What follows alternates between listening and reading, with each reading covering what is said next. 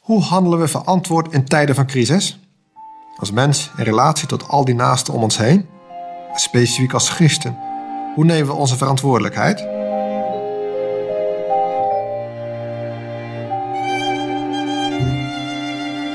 In de eeuwen waarin de kerk bestaat, hebben meerdere crises plaatsgehad.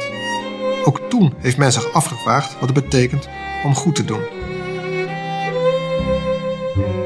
Een van de karaktertrekken die de kerk in wisselwerking op haar staan in de wereld tentoon heeft gespreid, is die van barmhartigheid.